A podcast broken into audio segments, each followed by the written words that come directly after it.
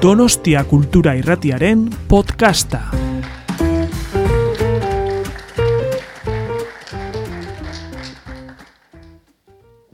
Muchas gracias y buenas tardes.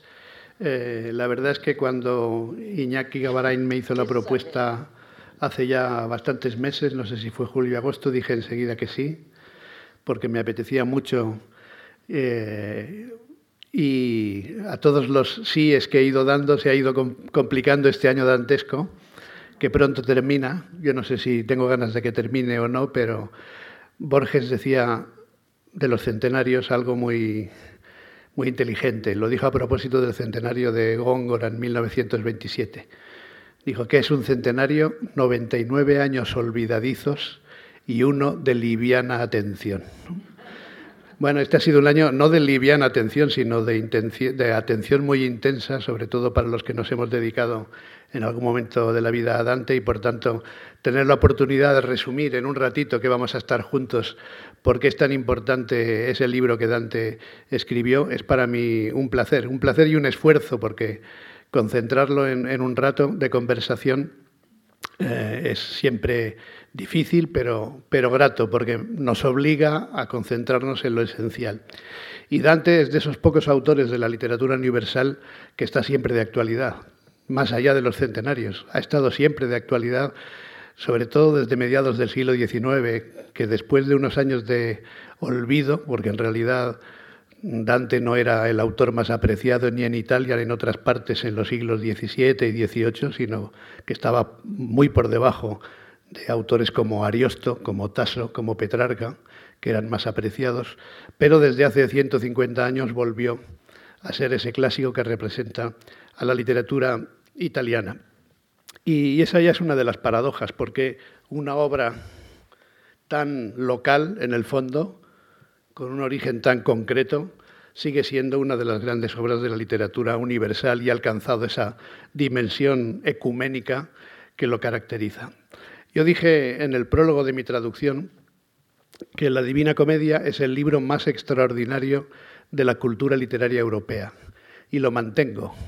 Pero fíjense que no, quise decir el mejor de la lectura europea porque los gustos van por barrios y evidentemente cada uno tiene el derecho de, que le guste o no la comedia de Dante, ni dije tampoco el más importante porque puede haber otros libros de otro tipo, no literario, no ficcional, que algunos consideren más importante, pero sí es indudablemente el libro más extraordinario, más asombroso de la cultura literaria europea.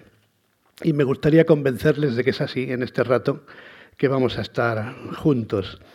Y las, las razones de esa condición tan asombrosa que tiene la comedia de Dante son varias, las enumero ahora y luego intentaré reflexionar sobre cada una de ellas. La primera razón es la ambición de la empresa. Ese proyecto que Dante se propuso, que es un proyecto de vida. La segunda razón de su condición extraordinaria está en las circunstancias de su redacción, que son en algún momento casi milagrosas. Otro motivo de esa condición es la invención de una forma y de una estructura, que este fue seguramente el gran hallazgo y que todos los poetas, todos los escritores, eh, desearíamos conseguir, inventar una forma y una estructura específicas de un libro. Otra razón, que es ya más argumental, es la desazón moral de sus personajes. En la comedia hay cientos de personajes, unos más interesantes que otros, pero de una docena o una veintena de ellos ha trazado un retrato tan inolvidable desde el punto de vista de las pasiones que sintieron en la vida y el modo en que Dante las analiza, que todavía hoy nos siguen desazonando como desazonaron a los propios personajes. Otra razón, que es quizá la primera que a mí me, cautivó, yo leí la comedia, leí solo El infierno a los 19 años porque me regalaron una edición italiana y yo entonces no sabía italiano y entendí poca cosa lo que se podía entender conociendo la lengua castellana. Pero advertí que dentro había una música extraordinaria y decidí que durante todo el tiempo que pudiera me prepararía para entender esa lengua y para poder traducir algún día la comedia.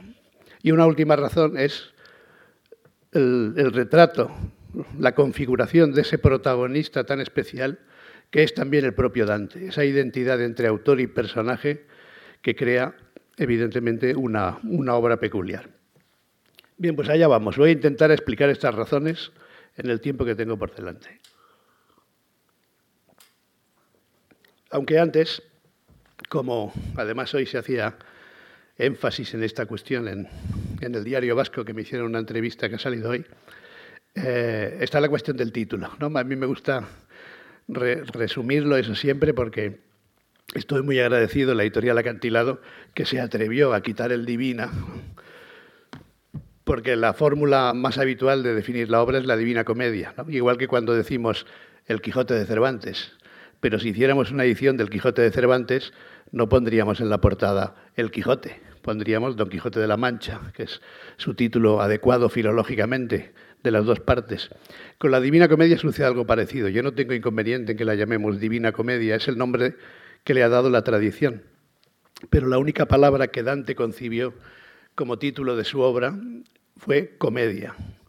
Por una razón argumental muy simple, empieza mal en el infierno y termina bien en el paraíso. Él mismo lo dijo, por tanto es lo contrario de una tragedia. Luego hay otras razones suplementarias de carácter estilístico. En la concepción medieval, y sobre todo si se escribía en lengua vulgar, el estilo escogido es el estilo bajo. Por tanto, es el que correspondía a la comedia, no a la alta tragedia, como el mismo Virgilio define en la obra de Dante, su Eneida. Y luego había razones también de carácter retórico, porque hay sátira, hay crítica, y por tanto se acerca a lo que los latinos llamaban la vituperatio. Por tanto, Dante definió su obra como comedia. Ahora bien, para nosotros los títulos son una cosa muy diferente que para un autor medieval. Los títulos antiguos se definen por el protagonista, la Eneida, por la ciudad, la Tebaida, por el género, sátiras, epístolas, elegías, pero no existen en la antigüedad títulos literarios como los que nosotros concebimos hoy. Cien años de soledad, las flores del mal, ¿no? esos son títulos muy modernos. La palabra que Dante concibió para definir su obra es comedia. Yo la definiré o la llamaré muchas veces Divina Comedia porque es por tradición. ¿Cómo se añadió ese epíteto?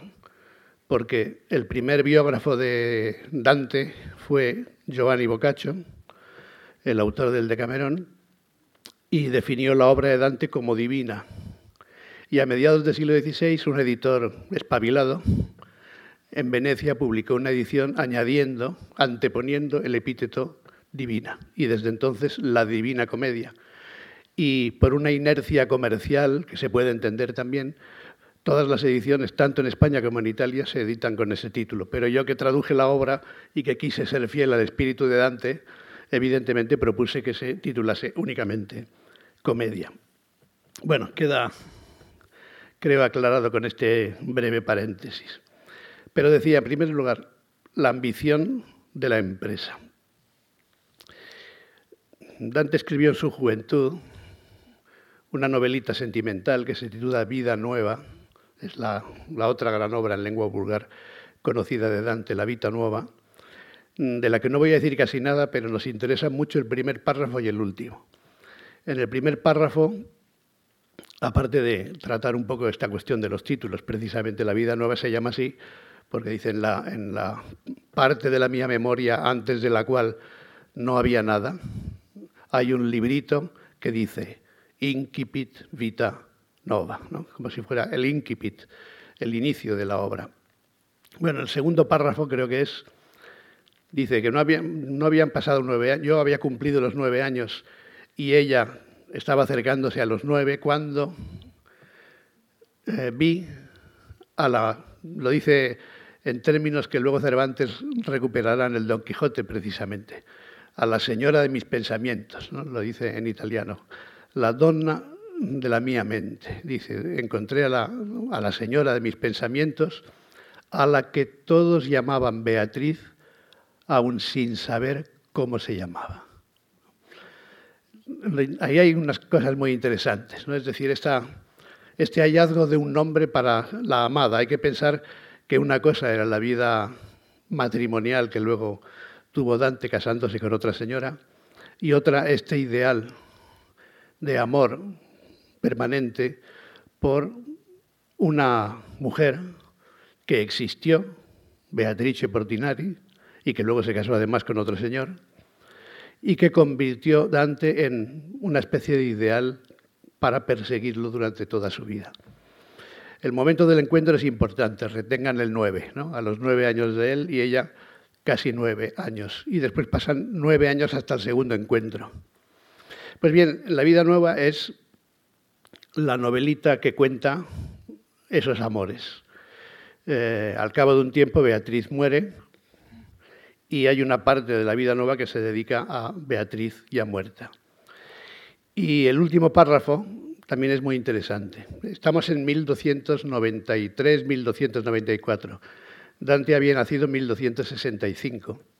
No tenía ni 30 años entonces y está, después de muchos poemas de tipo amoroso, post-trovadoresco, podríamos decir, que son los que conforman el, el grupo del Dolce Stil Nuovo, escribió este librito. Y en el último párrafo dice eh, algo así como, dice, bueno, yo a partir de ahora me voy a preparar para poder hablar de ella, se entiende que es Beatriz, que ya está, digamos, mm, divinizada en cierto modo después de su muerte, para poder decir de ella lo que nunca se ha dicho de ninguna.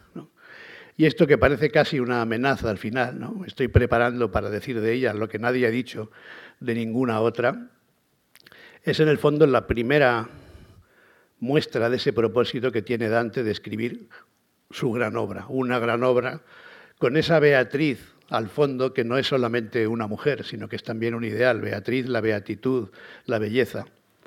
Eh, fíjense que estos poetas tenían siempre enamoradas de nombre muy significativo. ¿no? Si vamos un poco después, la Laura de Petrarca. Laura es el laurel, que es la poesía.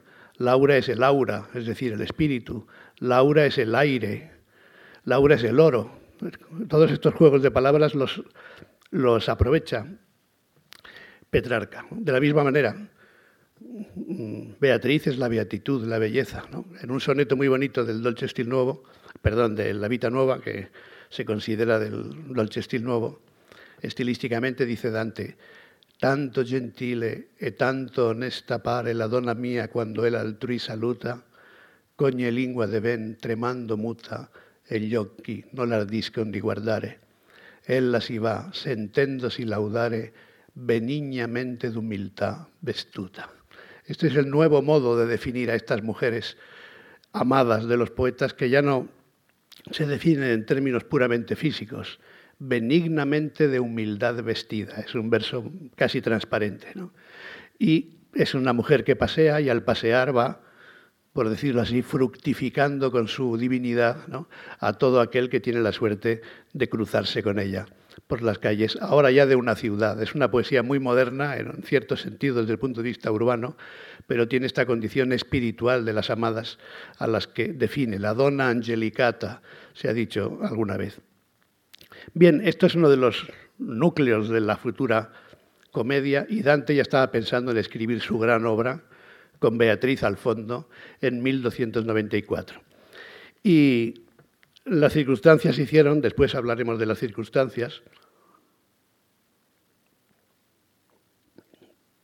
que lo hiciese en unas condiciones difíciles un tiempo después. Eh, hablamos de las circunstancias de su redacción. Una vez me preguntaron, no hace mucho en México, si un periodista me preguntó si Dante volviese a nacer, ¿qué pregunta le haría a usted? Esas esas cuestiones que a veces le, ponen a uno en un compromiso. Yo le, yo le haría muchísimas preguntas, evidentemente, ¿no? Pero si tuviera que, sé que escoger una, le preguntaría a Dante si valió la pena la breve intervención política que tuvo en el gobierno de su ciudad, teniendo en cuenta las nefastas y funestas consecuencias para su propia vida. Y esto mm, lo digo para poner un poco lo intentaré hacer muy rápidamente porque tampoco les quiero aburrir, eh, las circunstancias de esta vida de, de Dante. Eh, Dante se dedicó a la actividad política muy poco tiempo, en parte por una cierta obligación, incluso económica, familiar, con el hermano pidió algún préstamo para eh, dedicarse a la política durante un tiempo, se inscribió en un gremio que parecía que no le correspondía, pero esto era bastante normal, había que inscribirse en un gremio para poder acceder al gobierno de la, de la ciudad de Florencia, él se inscribió en el de los boticarios, podríamos decir, los speciali, farmacéuticos o boticarios, y entonces durante muy poco tiempo tuvo responsabilidades en el gobierno de, la ciudad, en el Consejo de los Doce o en el Consejo de Ciento, como en otras ciudades medievales se hacía. Eh, lo importante de esto es que era el momento más conflictivo, posiblemente, de toda la historia de Florencia. Europa estaba dividida entre dos grandes bandos en aquellos años y particularmente el norte de Italia entre ciudades que eran partidarias del emperador, es decir, aquellas que eran ciudades gibelinas y ciudades que eran partidarias del papado, las ciudades güelfas. Y, en ese momento de gran conflictividad, de, oposición con el papado o con los gibelinos en distintos momentos, Dante se, tuvo una intervención política muy breve, de apenas unos meses, en la que tomó decisiones Mm, justas, en principio, mm, discutidas por otros, pero que llevaron a consecuencias, por ejemplo, a enemistarse con su gran amigo eh, Guido Cavalcanti, el mío primo amigo. ¿no? Tuvo que tomar una decisión de exiliar de Florencia tanto a una parte de los güelfos blancos y lo de los negros, ahora lo explicaré mejor, y su amigo tuvo que salir de Florencia y luego no pudo volver porque murió, enfermó y murió en agosto del año 1300. Bueno, esa es una un ejemplo solo. Pero eh, además los güelfos partidarios del papado se dividieron en dos facciones en Florencia, güelfos negros, creo que es la única ocasión en que puedo usar adecuadamente la expresión más papistas que el Papa, los güelfos negros que eran acérrimos partidarios del Papa, del papado, y los güelfos blancos que eran papistas manontropo, por decirlo también, a la italiana. Entre estos papistas manontropo, los huérfanos blancos, por tradición familiar, estaba Dante. Aunque sus ideas, para complicarlo más todavía todo, eran las de un gibelino, porque él era partidario del poder imperial y de los papas no tenía muy buena opinión. Por tanto, era un güelfo con ideas de gibelino. Y eso llegó a un punto en que lo enviaron a Roma, a una embajada, para intentar que el Papa no enviase a un pacificador güelfo negro contra los güelfos blancos y el Papa decidió que esos embajadores entre los cuales estaba Dante ya no podían volver a Florencia. Por tanto, en 1302 empezó un exilio que fue dolorosísimo para Dante, entre otras razones porque ya no volvió a pisar su ciudad. Y en la comedia dice ingenuamente en algún momento, que son unos versos muy bellos del paraíso, cree que el haber escrito este libro le va a dar la posibilidad de volver a su ciudad por la puerta grande y aquí en aquella ciudad en que fue bautizado será coronado como poeta, etc. Pues bien, Dante ya no volvió a pisar Florencia, no volvió a ver a su mujer. Se reunió con sus hijos, no se sabe si con todos o con algunos de ellos, al final, en los tiempos más calmados de Verona y Rávena, los últimos años del exilio. Pero Estuvo exiliado de 1302 al año de su muerte, 1321, por tanto fueron prácticamente 20 años de exilio. Y en esos 20 años de exilio desarrolló una, una gran labor, hoy diríamos intelectual, aunque quizás sea una palabra demasiado moderna. Y, mientras se preparaba, entre otras mm, razones, con sus estudios de filosofía, etcétera, en, eh, antes del exilio frecuentando las escuelas monásticas en Santa María Novella, en Santa Croce, etc., y después estudiando y con viajes durante el exilio, empezó dos proyectos muy importantes. Esto lo digo también muy rápidamente para que entendamos la dimensión del personaje. Dos proyectos muy importantes para la cultura europea. Incluso sin la comedia, la comedia es el libro que es y evidentemente eh, es un caso aparte, pero sin la comedia de Dante hubiera sido uno de los grandes escritores de su tiempo, sin duda. Y estos dos proyectos son eh, tan importantes como frustrados en el sentido que él mismo decidió interrumpir su redacción, pero nos dan la dimensión de su pensamiento poético y literario. Uno es el De Vulgari Eloquentia, que es un libro sobre el estilo de la lengua vulgar, sobre la elocuencia de la lengua vulgar. Es el primer tratado, en realidad. Está escrito en latín, obviamente, que es la lengua de cultura, la lengua de la no ficción, diríamos hoy, ¿no? Y está escrito en latín, pero habla de los usos literarios que se pueden dar a la lengua vulgar. Y sobre todo la poesía, fundamentalmente. Iba a tratar otros estilos después y otros géneros, pero interrumpió la redacción de ese libro, que es el primero en que un tema que será muy importante durante el humanismo, es decir, dos siglos después o un siglo y medio después, durante el XV y el XVI, que es, digamos, la dignidad de las lenguas vulgares frente al uso del latín. Él se adelanta con este de vulgar y elocuencia que interrumpió hacia 1505, perdón, 1305-1306.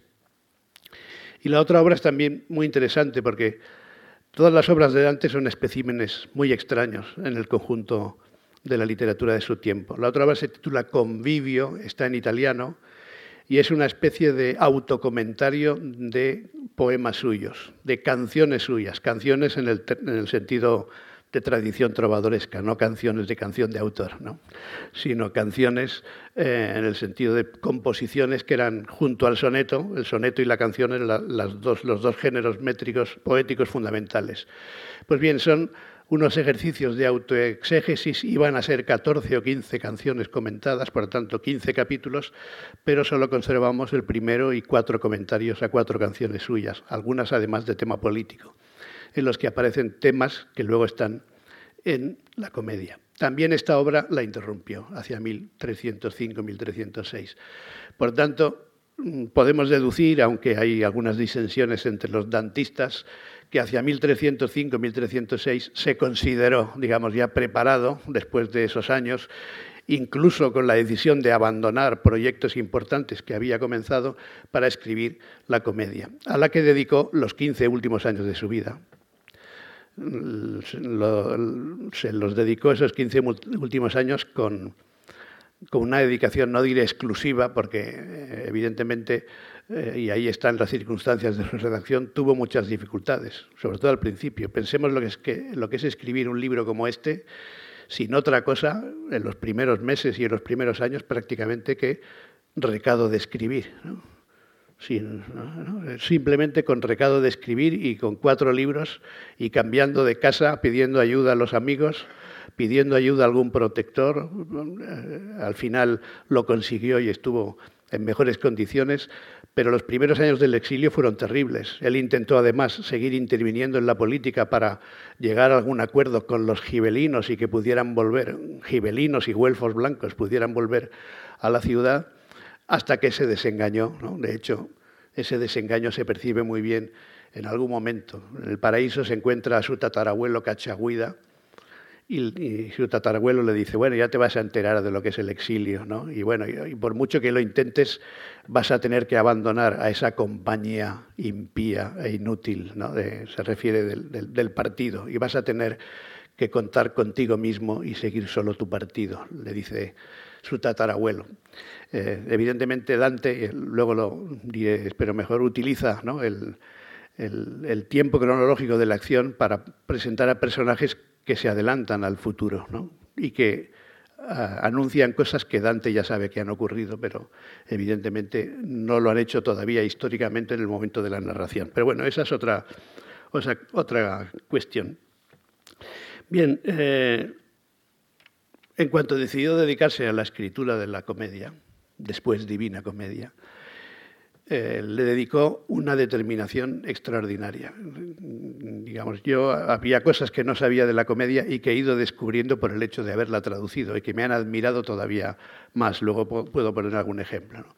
De modo que dedicó los cuatro años aproximadamente a escribir El infierno, otros cuatro aproximadamente a escribir El, infierno, el, purgatorio, luego unos años de revisión de las dos primeras cánticas que ya empezaron a circular hacia 1300 15, 16, tenemos testimonios de su circulación, y después de unos años de revisión dedicó los últimos cuatro o cinco años a escribir El Paraíso, de manera que tenía muy clara su, su carga de trabajo en esos años en los que se dedicó a su obra todo lo que pudo porque era la obra de su vida. Finalmente se creía preparado para escribir no solo de Beatriz, sino de lo que significa Beatriz, la beatitud, la sabiduría, etcétera, escribir esa gran obra que estaba concibiendo desde mucho tiempo, mucho tiempo atrás.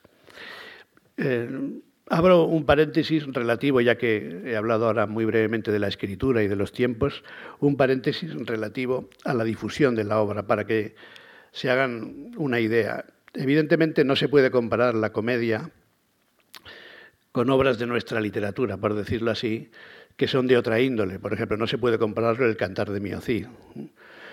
Primero porque el Cantar de Miocid es más antiguo, tiene una difusión esencialmente oral, y, hoy lo conservamos en un solo manuscrito, pero es normal que así sea. ¿no? Pero si lo comparamos con obras del, mismo siglo XIV, de los siglos XIII y XIV, entenderemos muy bien cuál fue esta difusión extraordinaria de, de la comedia de Dante. Del libro de Buen Amor, por ejemplo, que también se difundía oralmente, como todas las obras medievales, incluida la comedia pero que tiene una condición libresca ya un poco distinta y es de los tiempos de la comedia de Dante, del libro de Un amor conservamos cuatro manuscritos, tres manuscritos en realidad, tres manuscritos y un fragmento más o menos grande de otro. del Román del Arroz, que quizás sea una de las obras más difundidas, tenemos un centenar, 150 manuscritos. De otras obras tenemos media docena que han llegado hasta nosotros. De la comedia de Dante tenemos, conservamos 800 manuscritos de los siglos XIV y XV. 800 manuscritos, es una barbaridad. Desde muy pronto empezó a copiarse en todo tipo de contextos monásticos, aristocráticos. Los mejores iluminadores se dedicaron a, iluminar la comedia, los mejores copistas. Hubo talleres de copia eh, de la comedia de manera que conservar hoy en día 800 manuscritos y algunos más los conocemos por referencias, pero los hemos perdido, da idea de esta difusión extraordinaria de un texto que muy pronto se convirtió también en popular. Y, la comedia tiene ese equilibrio dificilísimo de conseguir en la historia de la literatura, por lo menos entonces. Hoy estamos en otro momento ¿no? y quizá su condición de clásico sea distinta, pero consiguió muy, muy pronto ese equilibrio de difusión popular y, cultivo entre gente culta. Y, tanto es así que muy pronto empezó la tradición de los comentarios, de las exégesis, como si fuese un texto bíblico o clásico. ¿no? De manera que los comentarios de Dante empezaron ya en, el mismo siglo XIV, poco después de la muerte del autor. Que además Fíjense, eso él no lo podía haber previsto, ¿no? pero fue acabar el último verso del paraíso y morirse, prácticamente. ¿no? De hecho, los últimos cantos del paraíso no se sabía muy bien dónde estaban. Esto ya forma un poco parte de la leyenda, ¿no? con esas primeras biografías de Dante, que más que biografías son agiografías, ¿no? vidas de santo casi. ¿no? Y una de ellas cuenta que encontraron los últimos cantos del paraíso gracias a un sueño que tuvo el hijo de Dante después de la muerte de su padre, y que su padre en sueños le dijo, mira en el tercer cajón del mueble y encontrarás ahí los últimos cantos del paraíso. Lo importante de todo esto es que efectivamente acabó convirtiéndose en el libro de su vida porque ya no escribió nada más, murió. Eh, fue enviado a Venecia a otra especie de embajada también de los señores de Rávena. Allí enfermó la malaria o la fiebre y, contrajo las fiebres y murió y fue enterrado en Rávena, de manera que no volvió a pisar su ciudad. Pero quizá la, razón más poderosa para comprender esta prodigiosa condición de la comedia sea la invención de una forma y de una estructura. Y podríamos añadir, y de una lengua, lo, lo, matizaré después, esta cuestión de la lengua que también es importante y que ya es, en cierto modo, imposible de reproducir sociológicamente. ¿no? La, Italia o la Florencia de Dante uh, no es, evidentemente, la situación de, nuestras lenguas ahora. ¿no?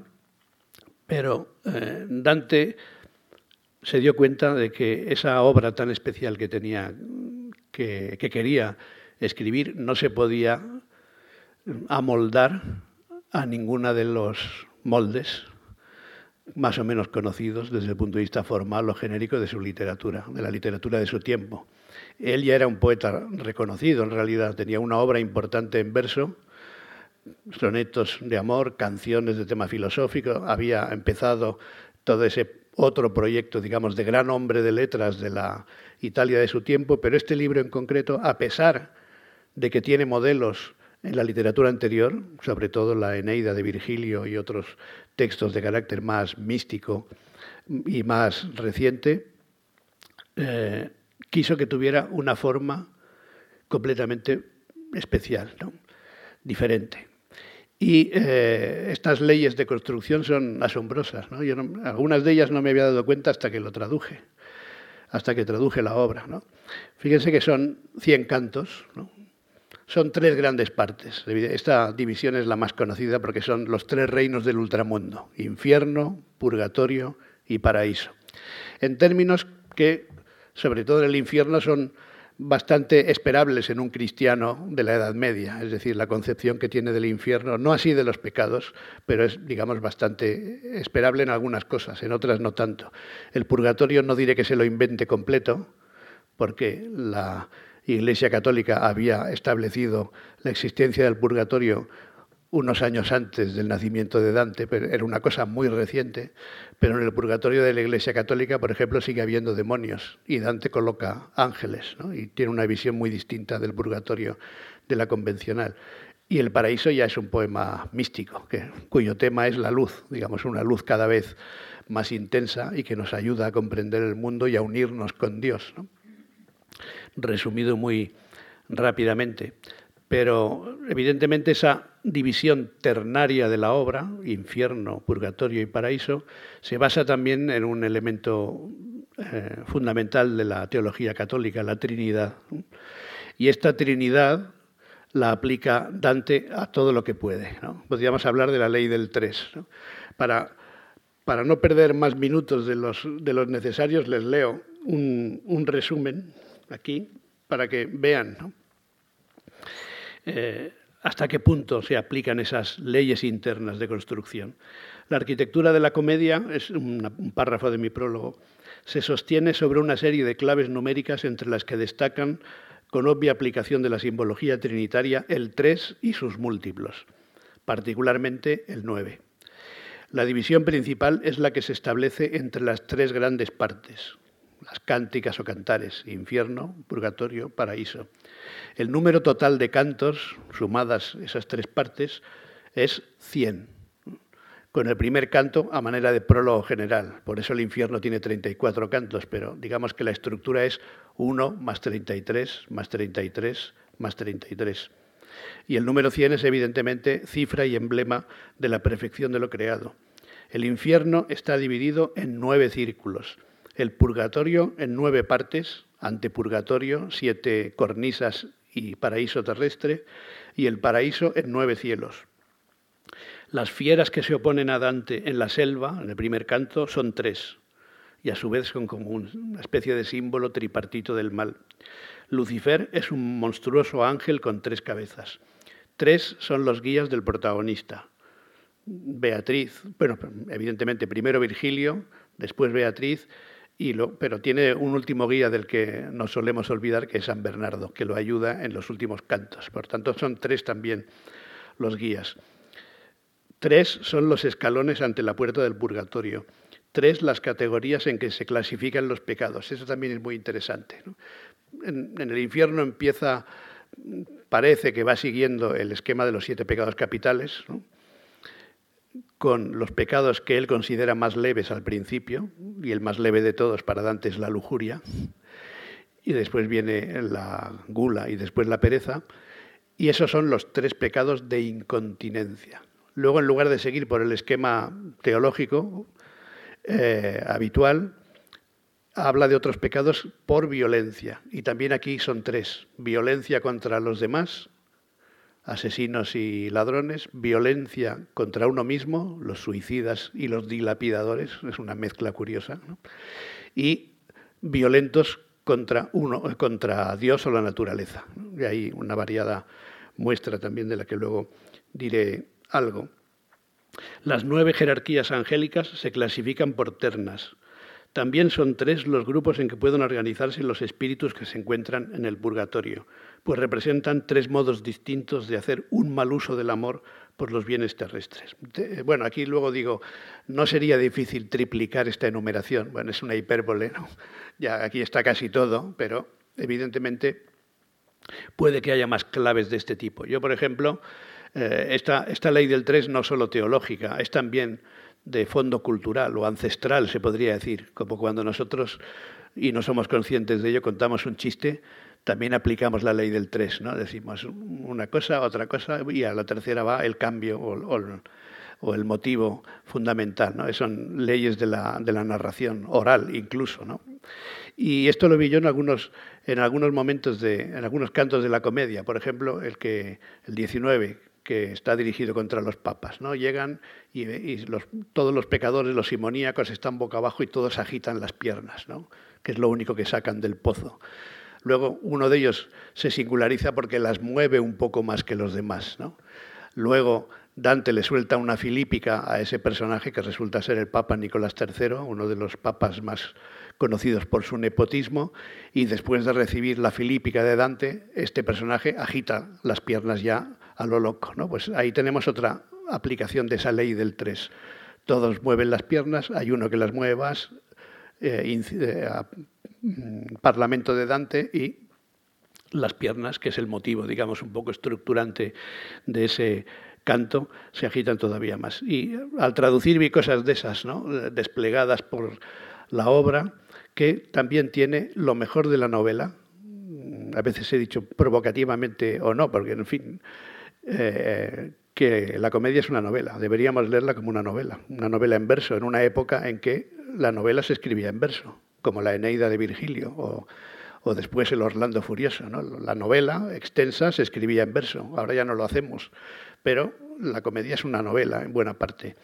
Tiene lo mejor de la novela, por esta condición que digo, tiene lo mejor de la poesía, obviamente, porque es la poesía más alta que se ha escrito posiblemente en mucho tiempo en, italiano o en, o en otras lenguas románicas, y también tiene lo mejor del cuento, precisamente por este elemento en el que cada, cada canto está concebido como una unidad de sentido que tiene su principio, y su medio y su fin, y que tiene que tener una estructura y una y una cohesión narrativa. Esto último lo vi muy claramente al traducir, ¿no?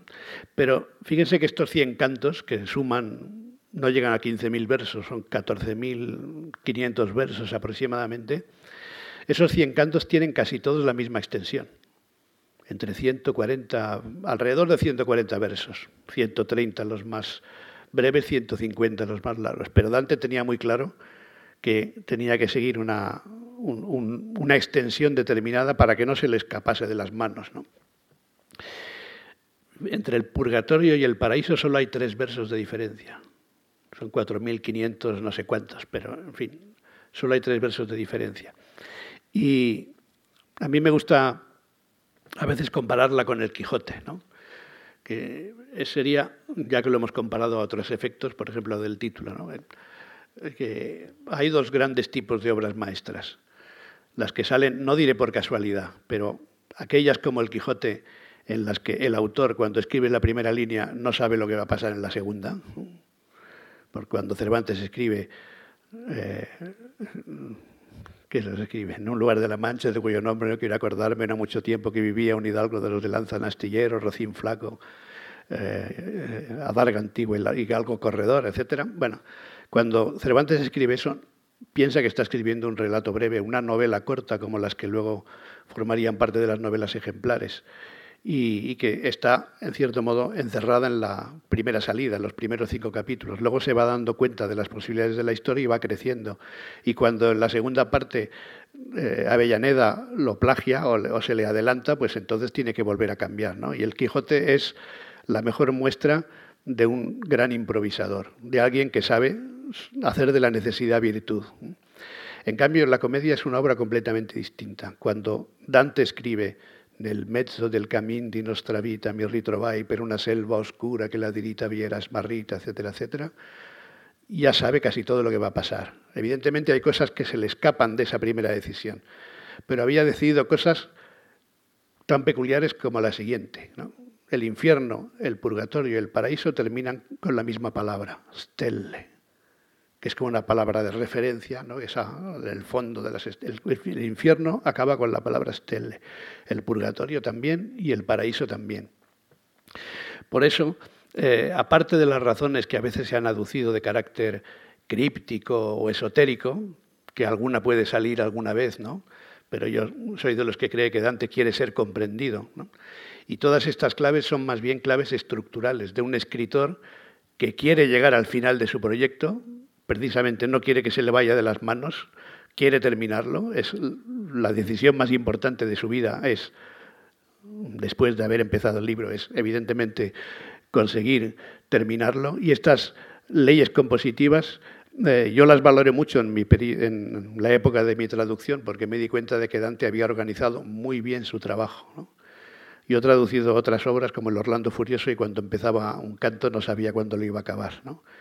De la misma manera que el mismo Ariosto igual, porque es otro tipo de composición, una composición proliferante, podríamos decir. Pero el trabajo de traducción de la comedia lo pude organizar muy bien porque Dante tenía en su cabeza, y ahora insistiré un poco en esto, en su cabeza la estructura de la obra, hasta el más mínimo detalle, aunque hubiera cosas evidentemente que sucedían mientras él escribía y que luego incorporó de una manera u otra a, la materia. Pero este, esta cuestión me parece a mí crucial, una mente extraordinaria que ya tenía, por muchas razones, porque estaba, como antes se decía, yendo de zocos en colodros de una parte para otra, sin sus libros, buscando la ayuda de sus amigos, y por tanto la técnica mnemotécnica, la memoria, era fundamental. Esta es una cosa que tenemos que pensar para los escritores antiguos. Nosotros ya no tenemos memoria en mucho sentido porque no la cultivamos, pero Dante llevaba en su cabeza las obras que había leído, Muchas veces, muchas de ellas las recordaba de memoria, de modo que no necesitaba tener los libros delante para recordar cuando escribe Nessun mayor dolore que ritrovarsi nella miseria. ¿no? hay mayor dolor que encontrarse en la miseria, cuando recordar los tiempos felices en la miseria, Nessun mayor dolore, cuando eso. Sabe que es un tópico de Boecio que lo tratan algunos clásicos, etc. Todo eso, estos autores lo llevaban evidentemente en la memoria, que es el mejor conservante para un escritor antiguo. Y estas formas de construir este texto prodigioso para él fueron fundamentales. Y el resultado es uno, junto a lo que ahora diré desde el punto de vista métrico y lingüístico, que es envidiable para cualquier escritor. ¿no? Es decir, porque las obras perfectas no existen, ninguna obra humana es perfecta, todas son perecederas como lo somos nosotros y la idea de perfección es algo por definición inalcanzable. Pero Dante consigue dar a su libro una idea de perfección, transmite una idea de perfección con esta construcción tan pensada, con estas simetrías internas, con esta capacidad de expresar con las menos palabras posibles las cosas más complejas y a veces también las más desagradables. ¿no? Esta capacidad expresiva en un conjunto que tiene 100 cantos, que tiene eh, extensiones parecidas para los cantos, que tiene estas simetrías al final de cada una de las partes y otras que incluso están por descubrir y por tanto esto da una idea de perfección. Conseguir eso para un escultor, para un pintor, para un escritor, para quien sea, es seguramente el gran logro. Y Dante Creo que con la comedia lo consiguió, darnos esa ilusión de un artefacto perfecto, eso es lo que persiguió. Y se inventó también una forma métrica, esto también es interesante. No, es que no existieran los tercetos antes, ¿no? Eh, existían, pero para cerrar un soneto, como bien sabemos, ¿no? El soneto dos cuartetos y dos tercetos, pues bien, pero tenían otra distribución y eran para cerrar el soneto.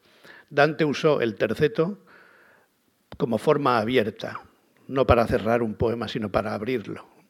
Y con esta estructura del, terceto encadenado, el primer verso y el tercero riman entre sí y el segundo eh, anticipa la rima de, de los versos primero y tercero de la siguiente. A, B, A, B, C, B, C, D, C, D, E, D, etc. Y así se van encadenando. Es decir, Si el libro es 1 más 33 más 33 más 33, los cantos son 3 más 3 más 3 más 3, más evidentemente un verso añadido al final, porque si no, el verso central del último terceto no rimaría con nada, ¿no? y por tanto se añade un verso.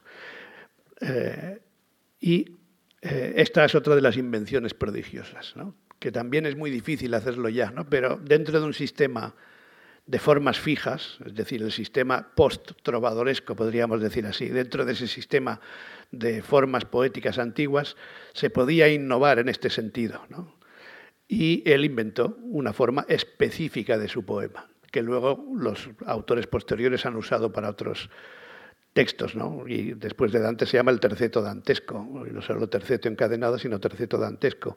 Petrarca lo usó en la poesía alegórica, Ariosto en sus sátiras, los poetas españoles en sus elegías también, es decir, que luego se convirtió en una estrofa normalizada. Pero el primero que la usa es él, porque la inventó para su libro. Y hay otra cosa más eh, que también Voy a correr un poquito. Otra cosa más, pero que es importante, porque merece una reflexión interesante en el contexto. Eh, prácticamente se inventó una lengua. ¿En qué sentido se inventó una lengua? Dante tomó una decisión que fue extraordinaria, extraordinariamente audaz y que nos indica también que él pretendía ser entendido. Eh, decidió escribir, como él mismo dijo en otro texto, en la lengua que usan las mujercillas. En el sentido de la lengua que se usa para la calle, la lengua, la lengua vulgar. ¿no? Por eso también se justifica el título de comedia, como antes he dicho, porque es, digamos, estilo y género menor y lengua menor también. Pensemos que el latín seguía siendo la lengua de cultura que el mismo Dante había usado en varias de sus obras en el de Bulgaria lo cuenta y en un tratado político que escribió, que se tituló Monarquía. El latín estaba para eso, pero es que la lengua vulgar no, tenía la preparación suficiente para un poema de 15.000 versos en los que hay arrobos místicos en el paraíso y ventosidades en el, en el infierno. ¿no? A veces, para que se entienda, porque el, paraíso es un gran poema místico, pero hay un pasaje en el infierno en que Dante dice literalmente, bueno, literalmente no, es mi traducción, ¿no? Donde se vuelve mierda lo engullido, ¿no? Porque se sacan así todas las tripas, ¿no? Pues un poema en el que se habla de la luz mística de unión con Dios al final y de las ventosidades y de la mierda que está en lo que uno traga, ¿no? Evidentemente es algo que junto no estaba en ningún poema anterior. Y el que quiso escribir un libro en el que estuviera todo, todo eso tenía que estar. Y, en cambio, la lengua literaria de su tiempo no estaba preparada para eso. Pero él decidió usar, ya no digo el italiano, que el italiano no existía, evidentemente, en la época, como no existía Italia, más que como idea, pero no existía políticamente. Y tampoco existía lingüísticamente la unidad de la lengua italiana. Lo que él escribía era un dialecto, el dialecto florentino, que era distinto cambiando de ciudad, ¿no? Y él usó ese dialecto lo ensanchó con latinismos, helenismos, neologismos, hay muchas palabras inventadas, con eh, occitanismos, ¿no? pero que básicamente era una lengua mm, vulgar de comunicación entre mujercillas, como ya digo que he dicho, que decía él mismo. Bueno, otro punto crucial, mm, bueno, decía que eso es crucial porque Mm, ya que hemos hablado de Petrarca, Petrarca hizo algo parecido, escribió un gran poema épico por el que él pensaba que pasaría a la historia. Y ha pasado por el canzoniere, los poemas en lengua vulgar, rerum vulgarium fragmenta, como él mismo dijo. Pero escribió un gran poema épico con gran pretensión que se llama África, pero lo escribió en latín.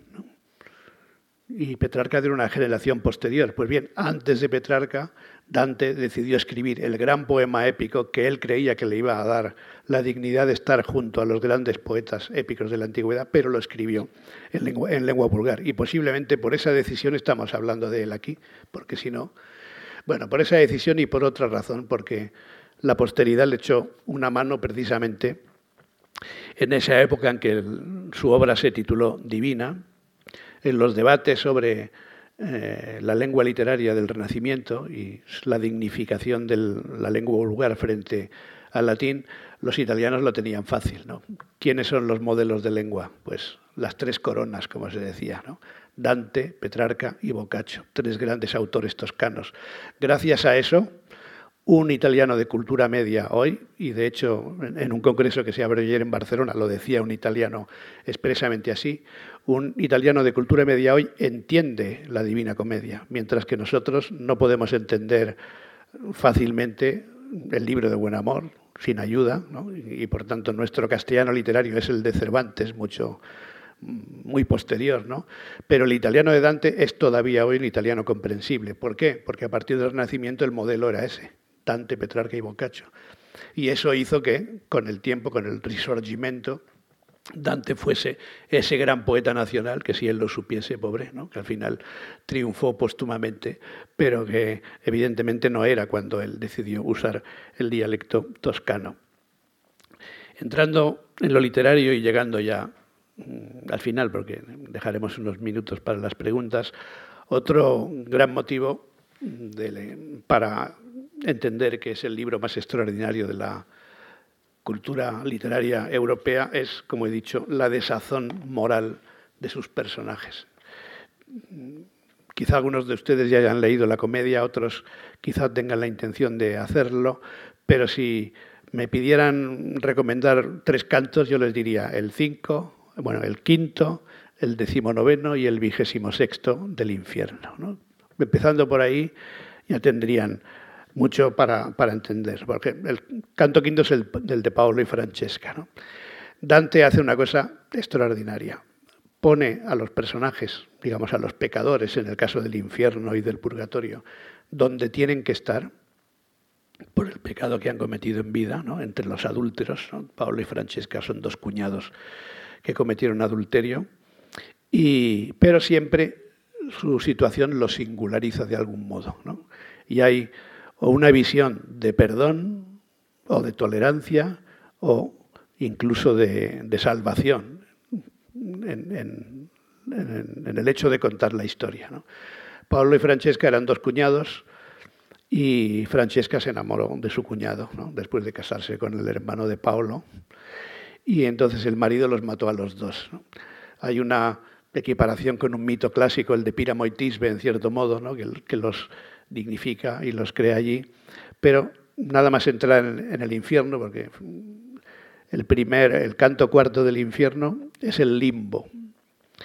El canto quinto es el segundo círculo del infierno, donde empiezan a encontrar estos pecadores. Y nada más entrar ya Dante se emociona y se marea y se, desmaya en ese canto porque le, le, deja completamente anonadado la historia de Pablo y Francesca. ¿no? Y la misma Francesca dice, bueno, aquí estamos nosotros, pero el que nos mató está en un sitio peor, que es la caína, al final del infierno, donde están los traidores, los, que, los parricidas y otros. Y por tanto es un caso ejemplar y que tiene versos de gran altura. No estoy leyendo nada de la comedia ni nos da tiempo, ¿no? pero ese es un episodio muy bonito porque en realidad es la misma literatura la, casi la que provoca el adulterio. ¿no? Y Dante se encuentra de pronto eh, a los primeros pecadores en el segundo círculo del, infierno y resulta que son como él, ¿no? porque Francesca explica el modo en que se enamoró, con unos versos que son también muy famosos, eh, y Dante dice, bueno, pero ¿cómo puede ser? No? Si, esto es lo que nos lleva a los poetas del Dolce Stil Novo a amar y a defender el amor. ¿no? Y Francesca le cuenta que fue leyendo un día un libro, precisamente. Esto es muy bonito que la literatura se nutra de sí misma.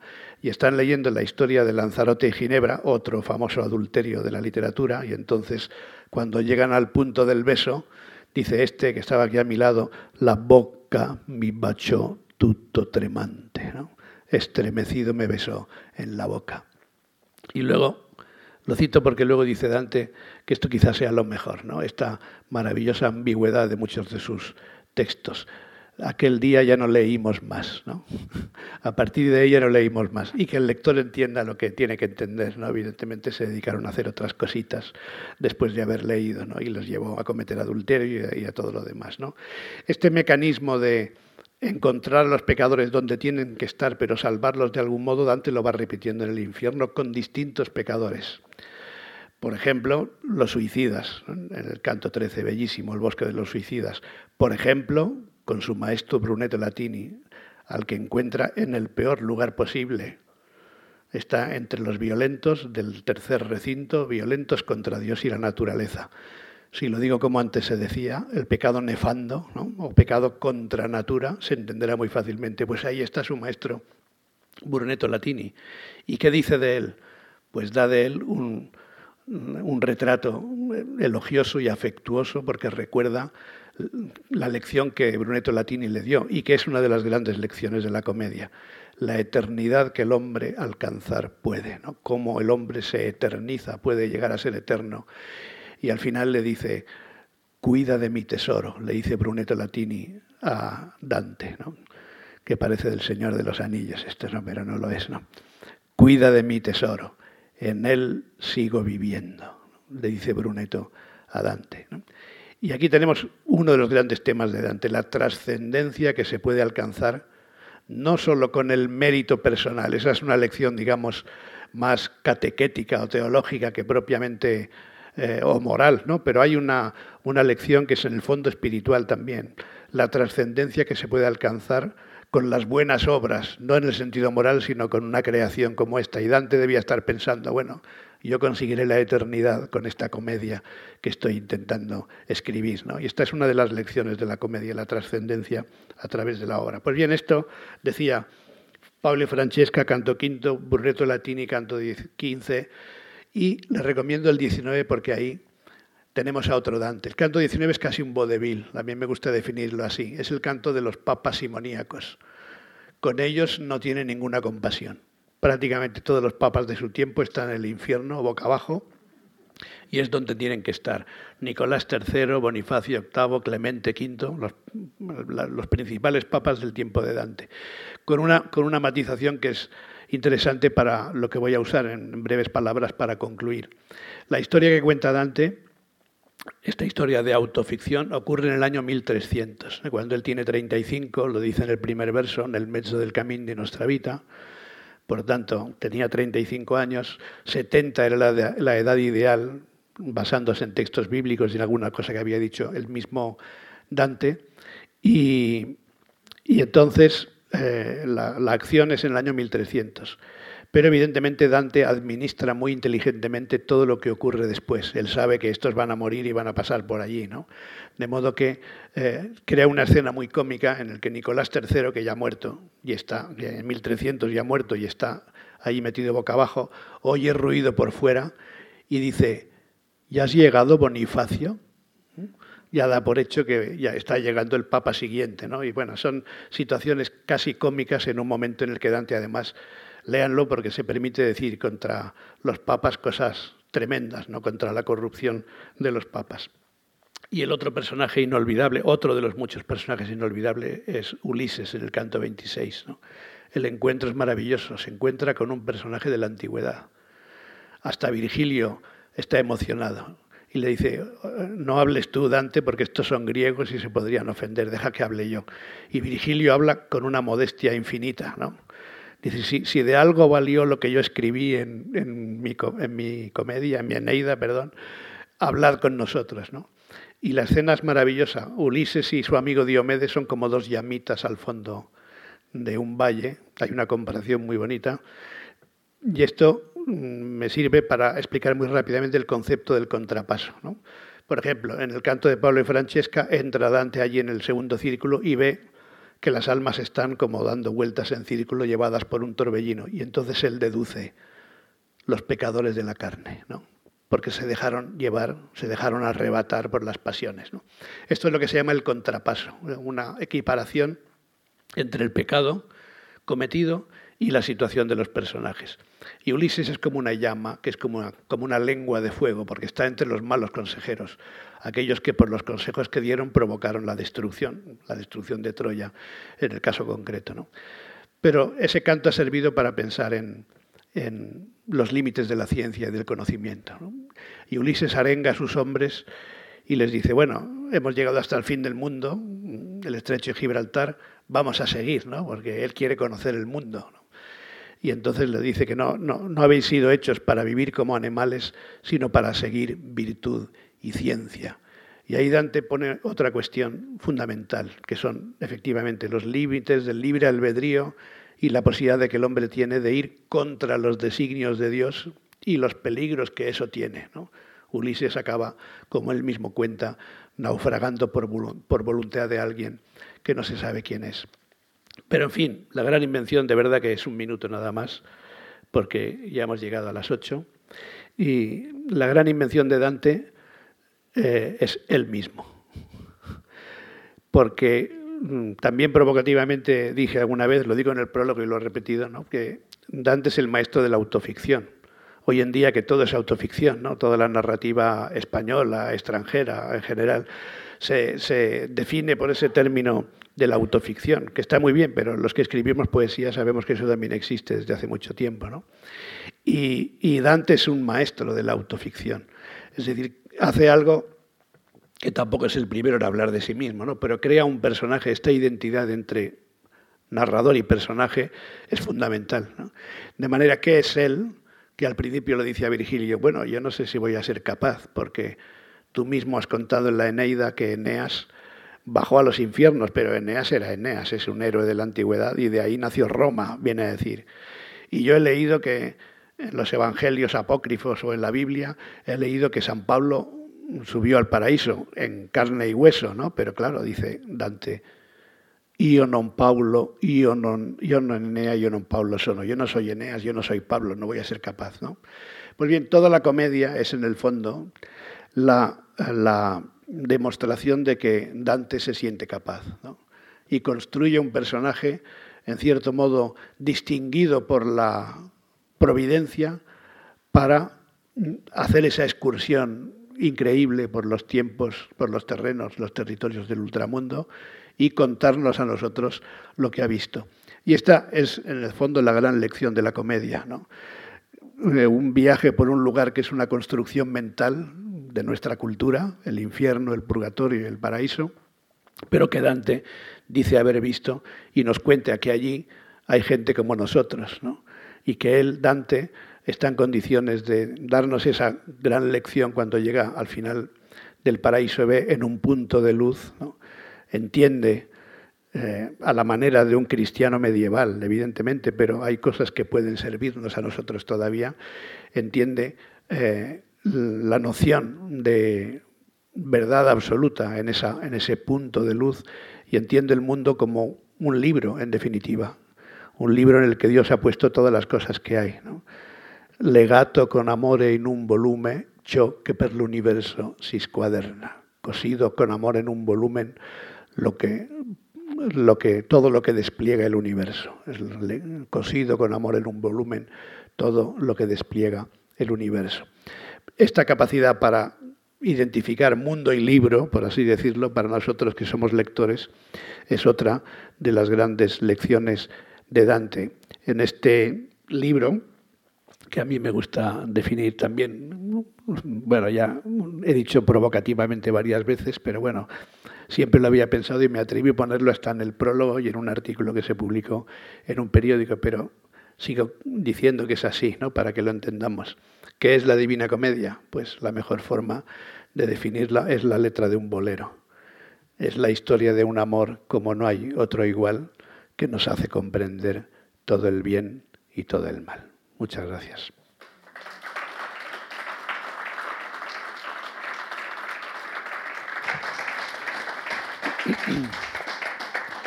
Gracias. Han quedado muchas cosas en el tintero, pero ahora tenemos unos minutos para si alguien desea preguntar algo.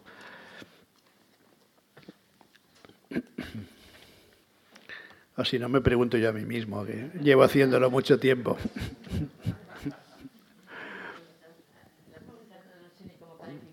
Un momento. Ah, perdón. Eh, ahora que no existe el purgatorio, ¿se leería igual la Divina Comedia? Esa es una pregunta muy buena, realmente. Yo en, mi despacho de la universidad tengo una noticia todavía anterior a esa, que también abolieron el limbo. No sé en qué año fue exactamente, 2005 2000, o quizá antes. ¿no? Tengo, el Vaticano ha decidido que ya no existe el limbo, que, es un, que era un lugar, es un lugar imprescindible para la comedia de Dante, ¿no? porque es el primer círculo del infierno, pero todavía no están ahí los pecadores, los niños no bautizados y los paganos, como Virgilio mismo es el lugar que le corresponde a Virgilio, que como son anteriores al cristianismo, por muy virtuosos que fueran, tenían que estar ahí, ¿no? En la concepción cristiana. Pues bien, tampoco tenemos el limbo. Y el purgatorio tampoco, pero no importa mucho porque tenemos el de Dante, que es la verdadera invención, ¿no? Eh, y, y por tanto, todo esto que son obras de ficción, que es autoficción, interesan como construcciones culturales también. Y el purgatorio es especialmente interesante, por lo que he dicho antes. ¿no? Era reciente, ¿no? se había decidido su existencia en un concilio de 1250 y tantos, 60 y pocos, es decir, prácticamente en la época en que Dante nació, y era un lugar poblado de, por demonios. Y Dante crea un purgatorio que no tiene nada que ver con ese. Está poblado por ángeles y es un lugar de una gran esperanza, un lugar esperanzador en el fondo. Y, con, y el propio Dante lo atraviesa porque esto se deduce de lo que he dicho al final, ¿no? El propio Dante no solo es nuestro testigo, sino que por el purgatorio pasa purgando sus penas. Le clavan, bueno, le clavan, le imprimen nueve pes en la frente y él las tiene que ir borrando porque tiene que ir pasando en ese camino de perfección que, por cierto, es inverso al infierno. Ya he dicho que en el infierno empiezan por los pecados más leves, la lujuria, ¿no? y al final, donde está Lucifer, está la traición. Y en cambio en el purgatorio, lógicamente, empieza por los pecados más graves, para Dante la soberbia, aquí ya sí que aplica el sistema de los siete pecados capitales, y acaban en el que está más cerca del paraíso terrestre, que es la lujuria, de nuevo, una vez más el más leve. ¿no? Pero, digamos, crea una construcción tan simétrica que es una pena que la Iglesia diga que ya no existe como concepto, pero siempre tendremos el purgatorio de Dante y el de San Patricio y otros por ahí que aún, aún siguen corriendo, pero el purgatorio de Dante es verdaderamente una invención y Dante tuvo que, que sí, que inventarse cosas para llenarlo. ¿no? Otra de las cosas prodigiosas precisamente es el infierno es famoso porque sucede muchas cosas y está lo más característico de Dante, pero dedicó el mismo espacio al purgatorio y el mismo espacio al paraíso. Y en el paraíso, aunque aparecen muchos personajes, no ocurre casi nada. Digamos, se, resume su argumento con lo que dijo Goethe en su lecho de muerte: luz, más luz. Y cada vez, yo no sé cómo, bueno, evidentemente es un gran poeta, ¿no? Dante va creando una hipérbole cada vez más expresiva a propósito de esa luz que primero le ciega, que luego no puede ver, que luego resiste mirando para otro lado y que al final puede resistir ¿no? en ese punto absoluto de luz que ve en el último canto del paraíso. Pero siempre nos quedará el purgatorio de Dante. Ese no lo podrán eliminar.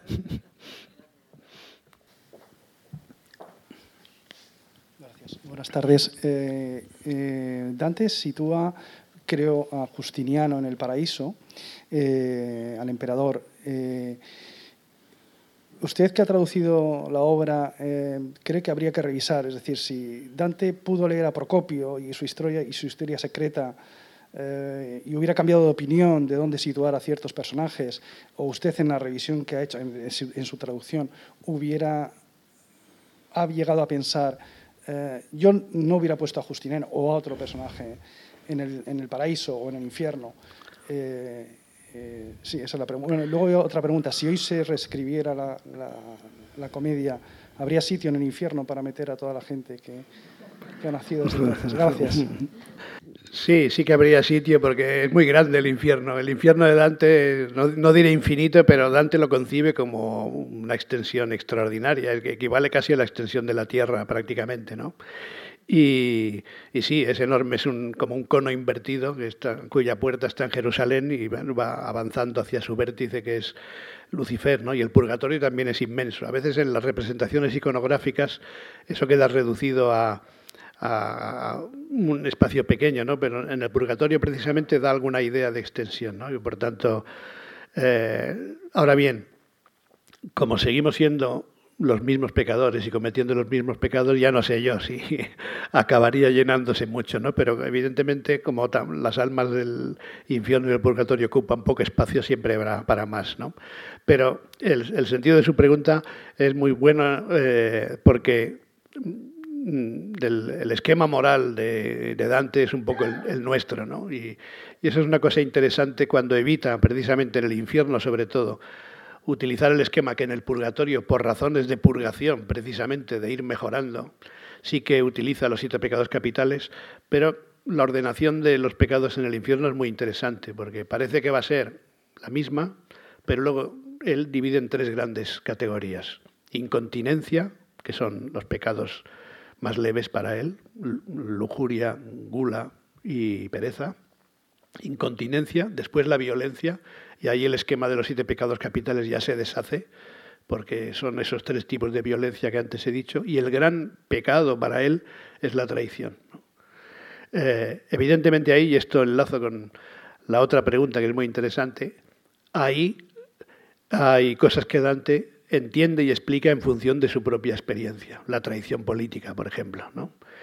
Y, en el paraíso eh, culmina esta parte política de la comedia. La comedia tiene muchos temas como las obras, como las grandes obras de la literatura universal, no tienen un solo tema, ¿no? ¿Cuál es el tema del Quijote? Bueno, se, se tratan muchos, ¿no? Por seguir con la comparación con la que he iniciado la charla, ¿no?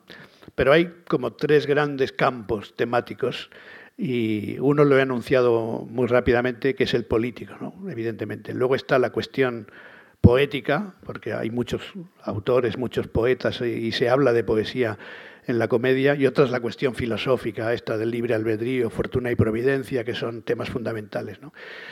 Pero la cuestión política Dante mismo debió evolucionar y, y pone en el paraíso algunos emperadores, porque su idea es, digamos, además de los santos, los emperadores tienen que estar en el paraíso, ¿no? Pero, algunos de ellos, porque son representantes de este sacro poder que viene de Roma y que a través de Carlo Magno y, eh, eh, digamos, en cierto modo regularizado por Justiniano, tienen que llevar, y este es uno de los grandes misterios de la interpretación de la obra, a ese emperador ideal. ¿no?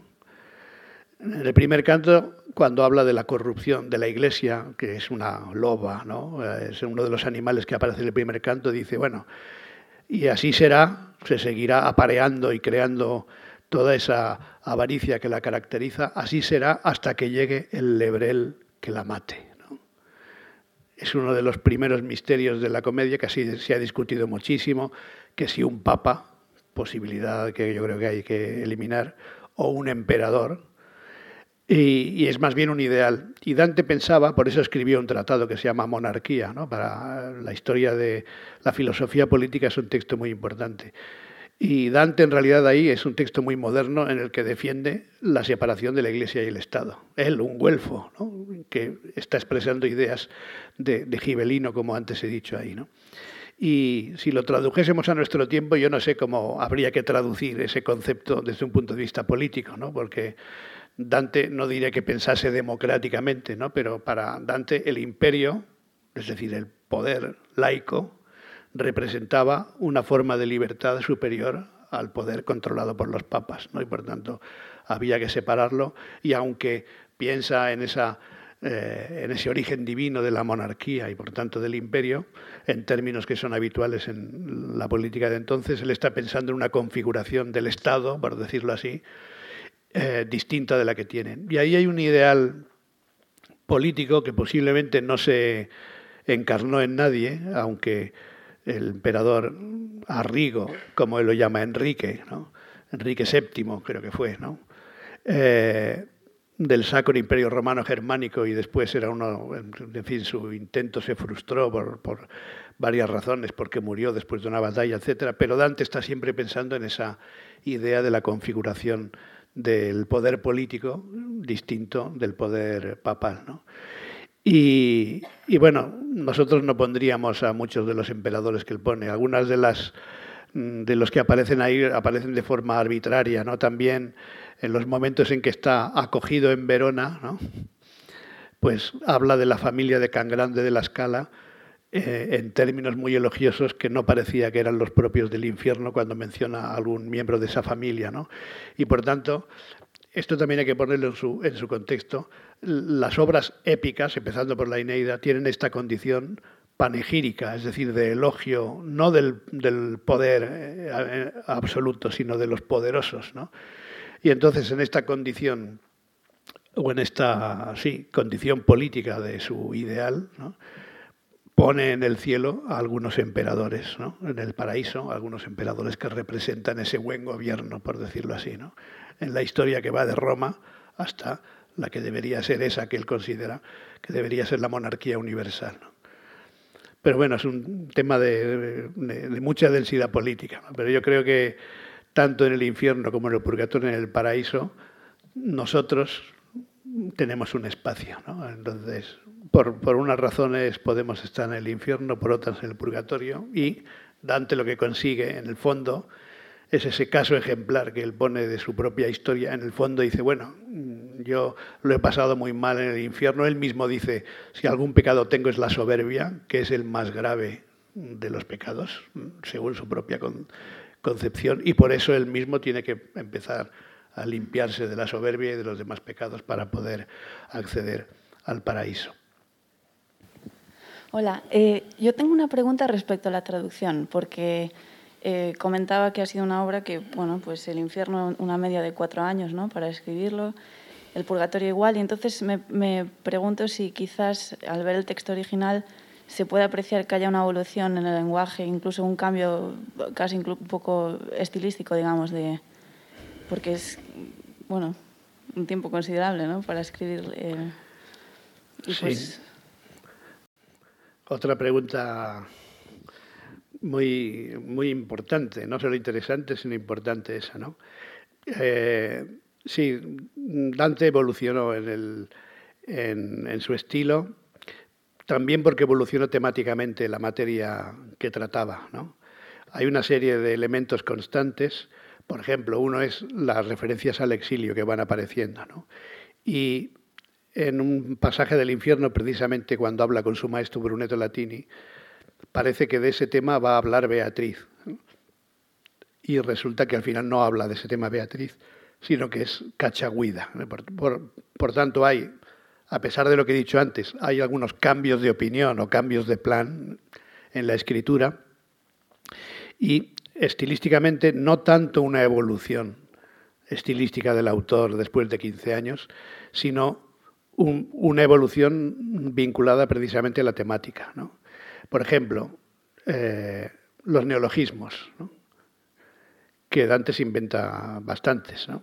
pero son, están casi todos en el paraíso. Por una razón también retórica. El paraíso es un poema místico, ¿no? pero un poema místico de 4.500 versos que se dice pronto. Evidentemente pasan todas estas cosas, ¿no? Justiniano, San Agustín, la vida de San Francisco, que es muy bonita, por cierto, eh, contiene una vida de San Francisco y de otros santos, la comedia, ¿no? y por tanto hay, hay mucha materia en el paraíso, aparte de ese hilo conductor que yo he ido diciendo de luz más luz. ¿no? Pero ahí, precisamente porque eh, está hablando de algo que no se puede expresar, la inefabilidad de la idea de Dios, en el fondo es eh, un, abordaje parecido del cántico espiritual de San Juan de la Cruz, ¿no? pero el cántico espiritual es un poema relativamente breve en el que ese entusiasmo expresivo está prácticamente del principio al final. Y por tanto en, esas partes no narrativas sí hay un, un acendramiento, una purificación también del estilo. Y Dante llega un momento en que no, no sabe cómo decirlo y se inventa palabras, ¿no? Entiar, enmiar, ¿no? como uno se convierte en el otro. Yo me enmío o me entío, en, en futurarse, ¿no? De manera que eso va un poco vinculada a esta idea de la inefabilidad propia de un poema que ya se está convirtiendo en un poema místico. ¿no? Desde el punto de vista de la evolución personal, ya no, no sabría decirlo. Pero, pero sí que es verdad que, que una parte de la crítica mmm, hoy en día discute bastante sobre la independencia del paraíso como libro. ¿no? Esto también es una cuestión. Es decir, la, la comedia es también singular porque es un libro de libros. Y Dante concibió tres libros diferentes que juntó en uno. ¿no? Esta es un poco la concepción que ahora... Eh, es decir, tenía muy clara la unidad de la obra, pero también tenía clara que siguiendo esas mismas normas que hemos visto y que es una obra única, el, infierno podía circular por su lado, el, para, el, purgatorio por su lado y el paraíso por su lado. De, hecho, circularon independientemente el infierno y el purgatorio antes de circular la comedia completa, después de morir Dante. ¿no? Pero antes, durante la vida de Dante, circularon el infierno y el purgatorio por su cuenta, como si fueran libros independientes. Y de hecho, la palabra comedia, que la usa el propio Dante para definir el libro, de hecho dice, esta comedia lector que estás leyendo, ¿no? lo dice de esta manera tan clara un par de veces, pero esto está en el infierno. En cambio, en el paraíso, cuando alude al libro, lo define poema sacro, ¿no? que no es un título, es una forma de decir, esto que estás leyendo, que es el paraíso, es un poema sacro, ¿no? aunque también es una expresión que valdría para, para toda la obra. ¿no? De manera que ese equilibrio también es muy, muy importante en Dante, el equilibrio entre la unidad de la obra y la singularidad de sus partes, a pesar de eh, la personalidad y la singularidad de sus partes, a pesar de esa unidad fundamental. Hola, buenas tardes. Buenas tardes. Probablemente Dante, al menos en la cultura occidental, es el escritor más famoso, más popular, diría yo. Pero es más, más popular como adjetivo no como escritor, como adjetivo. Cuando no sabemos definir algo o caracterizar o, describir, decimos dantesco. Cuando un hecho se produce y no supera, decimos todos dantesco. Cuando alguien nos quiere manifestar una situación absolutamente desbordante, dice dantesco.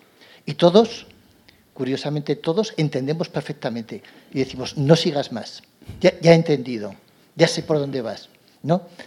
Eh, ¿Hasta qué punto el hecho de que dantesco, es decir, el adjetivo, sea tan popular que todo el mundo coincide? No hay falta explicarlo más.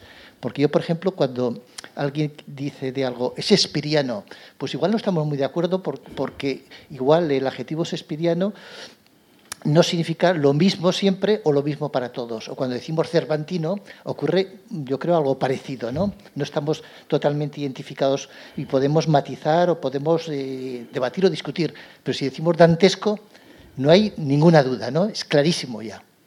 ¿Hasta qué punto eso? Y yo siempre he tenido la curiosidad, y usted que yo dediqué muchas, unas cuantas semanas a leer la Divina Comedia hace muchos años, me gustaría leer su traducción para verla diferente. Yo leí la traducción de Planeta, que seguramente era... de Ángel Crespo, sí, Que seguramente era muy mejorable, como todo. Bueno, todas lo son, la mía también lo será y, envejecerá. Y... Porque las traducciones hay que ir haciéndolas siempre. Y usted que ha dedicado seguramente muchos años, yo solamente dediqué unas semanas, eh, ¿qué opina esa idea de que al ser un adjetivo absolutamente incuestionable, eso hace que, ¿para qué, para qué vamos a leer adelante? Sí, bueno, ese, ese es un efecto general de las obras populares, en realidad. Y usted ha puesto ejemplos muy buenos, ¿no? Cuando decimos algo shakespeariano, pensamos en una situación shakespeariana, un dilema shakespeariano, porque estamos pensando en ser o no ser, ¿no? Pero hay muchas cosas shakespearianas eh, en otras obras que también lo son por definición, porque son de Shakespeare, pero reducimos a Shakespeare a ese aspecto, ¿no? O lo mismo más que Cervantino, quijotesco, ¿no? Tiene una actitud quijotesca, un personaje quijotesco, y sabemos más o menos por aproximación lo que puede ser. ¿no? En el caso de Dante, es también, yo lo he oído alguna vez en un partido de fútbol, ¿no? cuando en una, derrota, eh, ahora se podría decir de la situación del Barcelona también, ¿no? se podría aplicar una situación dantesca, ¿no? Pero, y son esas palabras que se incorporan a la lengua y que hacen difícil decir, bueno, pero si yo hablo del paraíso ya no puedo decir dantesco, ¿no? Pero bueno, son cosas que lleva anejada, por así decirlo, la, condición de clásico en realidad, ¿no? porque esos, los clásicos son esos autores de los que podemos hablar sin haberlos leído. Y a veces podemos hablar mejor si los hemos leído. ¿no? Y por eso lo que hay que quitar es el miedo a estos, a estos autores que tienen a veces estos, estas denominaciones que son como marca de género, ¿no? dantesco, shakespeariano, eh, quijotesco, el kafkiano, ¿no? En fin, hay, hay unas cuantas, ¿no? Entonces, eh, evidentemente eso demuestra que la parte más popular de la comedia ha sido siempre el infierno, ¿no? y esas situaciones dantescas del infierno son lo que ha prevalecido. ¿no? Y no está mal que así sea en el sentido de que eso es un gancho, ¿no? Que luego cuando entramos en las obras pues nos damos cuenta de que Shakespeare es mucho más, que Dante es mucho más, que Cervantes es mucho más que eso, ¿no? Y, que tienen que quitarnos precisamente el miedo, porque a decir dantesco pues ya nos da miedo y ya no entramos en, en una obra que se caracteriza o se define con un adjetivo como ese, ¿no?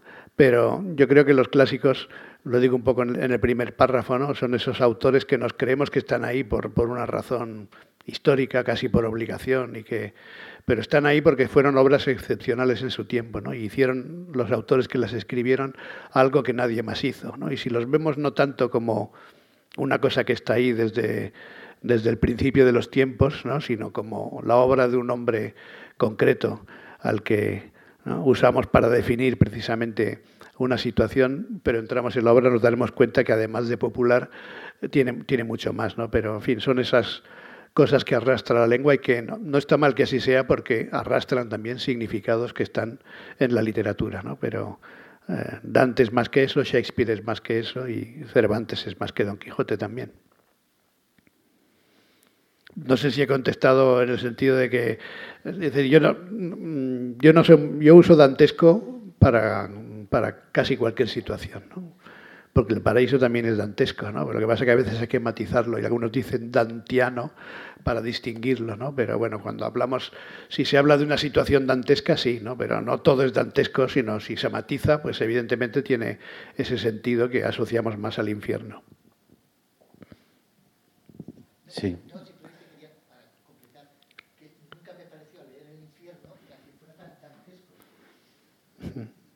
Pues más, más dantesco no puede ser, porque es de Dante, ¿no? Pero, no, pero en fin, es, verdad, es verdad, no es tan terrible como parece, ¿no? Y, y, en cualquier caso, esas situaciones son más de la iconografía que de la propia lectura del texto, que esta es otra cuestión también interesante, las representaciones del infierno, ¿no? que son más visuales que literarias muchas veces, ¿no? Sí, buenas tardes. Buenas eh, tardes. hablando de dantesco, eh, no conozco su traducción, eh, ¿ha, respetado los tercetos? esa es otra cuestión. ¿Y cómo ha sido la experiencia, si lo ha respetado? Bien, yo he perdido la cuenta ya de las traducciones que hay de la comedia, como de muchos. De hecho, en este año del centenario han salido tres más en España. La mía salió en el año 2018, pero en este año 2021 han salido tres más. Y hubo durante muchos años una muy famosa que, a la que ha aludido el señor que ha preguntado antes, la de, la de Ángel Crespo, y antes de él hubo varias. Eh, se ha traducido de todas las maneras posibles, en prosa, en verso, en falso verso. Yo creo que serán ahora más bien entre 35 y 40 las traducciones que hay al español, porque después de España, Argentina también ha sido un país de muchas traducciones. Y las primeras traducciones son ya del siglo XV. Una Enrique de Villena en prosa, digamos, más un comentario, y otra en verso en catalán de Andreu Febrer, 1428 y 1429. Estamos hablando un siglo después de la muerte de Dante, pero relativamente temprana si comparamos con otras traducciones a otras lenguas. ¿no? Entonces se ha probado de todo. Si yo hubiera sido el primer traductor de Dante, no sé lo que habría hecho. Quizá habría probado a traducir en tercetos. Y Ángel Crespo se empeñó mucho en hacerlo así, incluso escribió un artículo que decía o terza rima o nada, ¿no? o tercetos o nada. Yo que traduje antes el Orlando Furioso, que en fin son 40.000 versos, más del doble de la comedia, que ya me planteé ese asunto y vi las traducciones de, del Orlando Furioso, las traducciones rimadas llevan al traductor a decir cosas que el autor no ha dicho para respetar la rima. Y entonces se acaban inventando cosas que no dice el autor y a mí me parece esa es una barrera fundamental. La primera ley es respetar el sentido literal. ¿no? La traducción son dos operaciones. Una, respetar el sentido literal y dos, reconstruir el valor literario. Cuando traducimos literatura, obviamente. ¿no? Y como dice Humberto Eco, decir casi lo mismo en un libro que trata de la traducción precisamente, decir casi lo mismo y decirlo de una forma equivalente. Entonces, en alguna de esas traducciones rimadas, le pondré un ejemplo muy rápido, no sé si me estoy extendiendo, pero bueno, para un ejemplo muy rápido, que es al principio Dante dice paura, paura, ¿no? en el medio del camino de nuestra vida mi ritrovai per una selva oscura que la dirita via smarrita. A cuanto a dir cuál era cosa grave questa selva selvaggia e aspra e forte, que en el pensier rinova la paura. Y en ese mismo canto aparece otras dos veces la palabra. Eso en castellano se dice miedo. ¿no? Pues bien, para rimar, los traductores que siguen la rima dicen de todo. ¿no? Menos miedo, no se sabe muy bien por qué. Y tanto Bartolomé Mitre como Ángel Crespo como otros dicen pavura, utilizando un término arcaico que no es equivalente ni estilística ni gramaticalmente al que usa Dante, que usa la palabra más corriente. Si Dante usa la palabra más corriente, ¿para qué tenemos que usar una que ya, de la que ya Quevedo se burló? Quevedo tiene un, un romance en el que trata del episodio de los condes de Carrión y para recrear un castellano medieval, el poema se titula Pavura de los condes de Carrión, ¿no? como digamos ya es un arcaísmo. Entonces no tiene sentido cuando traducimos a un autor medieval crear una lengua medieval, porque es para un lector del siglo XXI, en el caso de mi traducción, o para un lector del siglo XX, en el caso de la de Ángel Crespo. Entonces, eh, por la experiencia de traducciones anteriores, la de Bartolomé Mitre es hoy ilegible, a pesar de que es de principios del siglo XX, por ejemplo. ¿no? Y además de la de Ángel Crespo, hay otra rimada que a mí me parece un poco más acertada eh, en, algunos momentos, aunque la más famosa fue la de Ángel Crespo, ¿no? que es de Abilio Echeverría, está en Alianza Editorial. Pero luego las últimas traducciones que se han hecho, la mía, pero antes de la mía, Luis Martínez de Merlo, en cátedra, las le menciono casi todas, porque para que uno escoja, ¿no? Pero a partir de, de los, después de la experiencia de Ángel Crespo, que fue un grandísimo traductor, pero en, este caso concreto aplicó a rajatabla esto de la rima y a veces creaba una lengua artificiosa. Eh, hemos probado esta fórmula de mantener el verso, pero sin rimar. En mi caso hay de cuando en cuando asonancias ocasionales, que en la literatura española, en la poesía española, la asonancia también funciona en cierto modo como rima. Y, por tanto no solo no las evito, sino que a veces procuro que haya alguna asonancia en algún pasaje para que dé cohesión. Pero yo renuncié a, la rima y busqué eh, sobre todo la melodía del verso, la unidad sintáctica del terceto, que es la otra gran unidad expresiva de la obra, pero renunciando a, esa, a la rima. ¿no? Eh, como digo, también los sistemas en que, se ha traducido puede, pueden influir. Yo lo que no haría nunca sería traducir la comedia en verso, perdón, en prosa, que se ha hecho muchas veces y son traducciones que son útiles desde el punto de vista filológico. Pero mi idea fue que pareciese poesía, ¿no? lo que fue poesía en su tiempo. Y eso no necesariamente se consigue con la rima, se puede conseguir de otras maneras.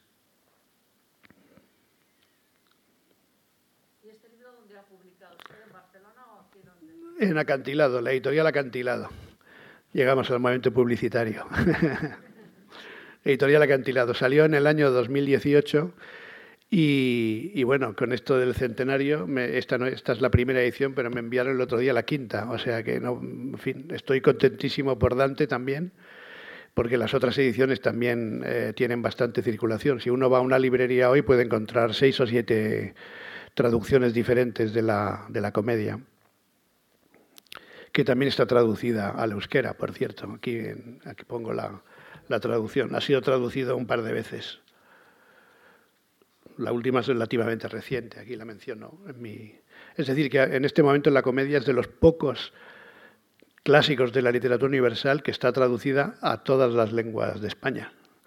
Hay una buenísima traducción al gallego de un traductor que murió hace un mes, por cierto, Darío Joan Cabana, al catalán hay una histórica de Josep María de Sagarra y otra más reciente de Joan Francesc Mira, y son complementarias en el fondo. Dante es la suma de las dos, porque la de Sagarra es más, eh, tiene una lengua más culta, también una poesía que eh, busca la rima también, y la de Mira es más narrativa ¿no? y más dialectal, en cierto modo. Y bueno, las traducciones son siempre complementarias y se trata de seguir traduciendo y hacerlo de la mejor manera posible. Pero sí, en acantilado. Bien, muchísimas gracias. No sé si, si no hay más preguntas. Gracias de nuevo a los organizadores por haberme invitado. Ha sido un placer. Y lo bueno de estos centenarios es que nos fijamos en autores que merecen la pena eh, que lo sigamos leyendo y eso se trata de lo, que, de lo que hay que hacer con Dante. Y no hay prisa, se puede hacer durante toda la vida.